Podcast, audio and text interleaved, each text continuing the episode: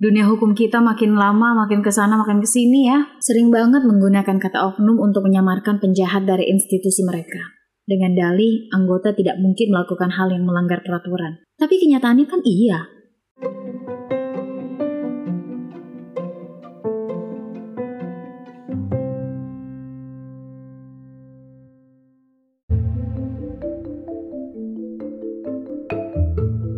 Episode ini adalah bagian dari tantangan 30 hari bersuara 2022 yang diselenggarakan komunitas The Podcasters Indonesia.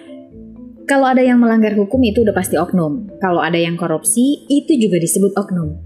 Pungutan liar yang dilakukan anggota berseragam, oknumlah dalangnya. Oknum ini nih sangat tercela. Jadi kalau sampai menyebut institusi, malunya nggak ketulungan. Makanya sebutan oknum sudah paling halus untuk seseorang yang melakukan tindakan melanggar hukum. Oknum sering digunakan oleh media massa pada era Orde Baru untuk membiaskan masalah yang sifatnya struktural menjadi masalah individual. Ya biasalah, tujuannya pembiasaan tersebut tidak lain untuk melindungi nama baik institusi kenegaraan yang anggotanya melakukan perbuatan tercela. Dengan penyebutan istilah oknum, maka sebuah institusi akan bersih namanya dan gak tercemar. Ya terserah lah ya, kejahatan is kejahatan. Tetap harus dihukum. Katanya negara hukum, asal jangan dengan sebutan oknum sehingga mudah untuk melakukan pembebasan karena tidak terkait satu institusi. Harusnya ada evaluasi pada institusi yang melahirkan banyak oknum, dalam tanda kutip, melakukan tindakan kejahatan yang memberikan citra buruk pada institusi mereka. Bukankah ini suatu kejahatan? Kok malah dilindungi atau dibudayakan? Kalau ternak lele atau ikan mas dibudidayakan menghasilkan uang. Nah, kalau oknum melestarikan kejahatan, untuk apa?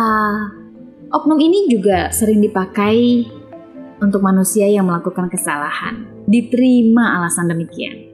Tapi institusi juga harus melakukan evaluasi.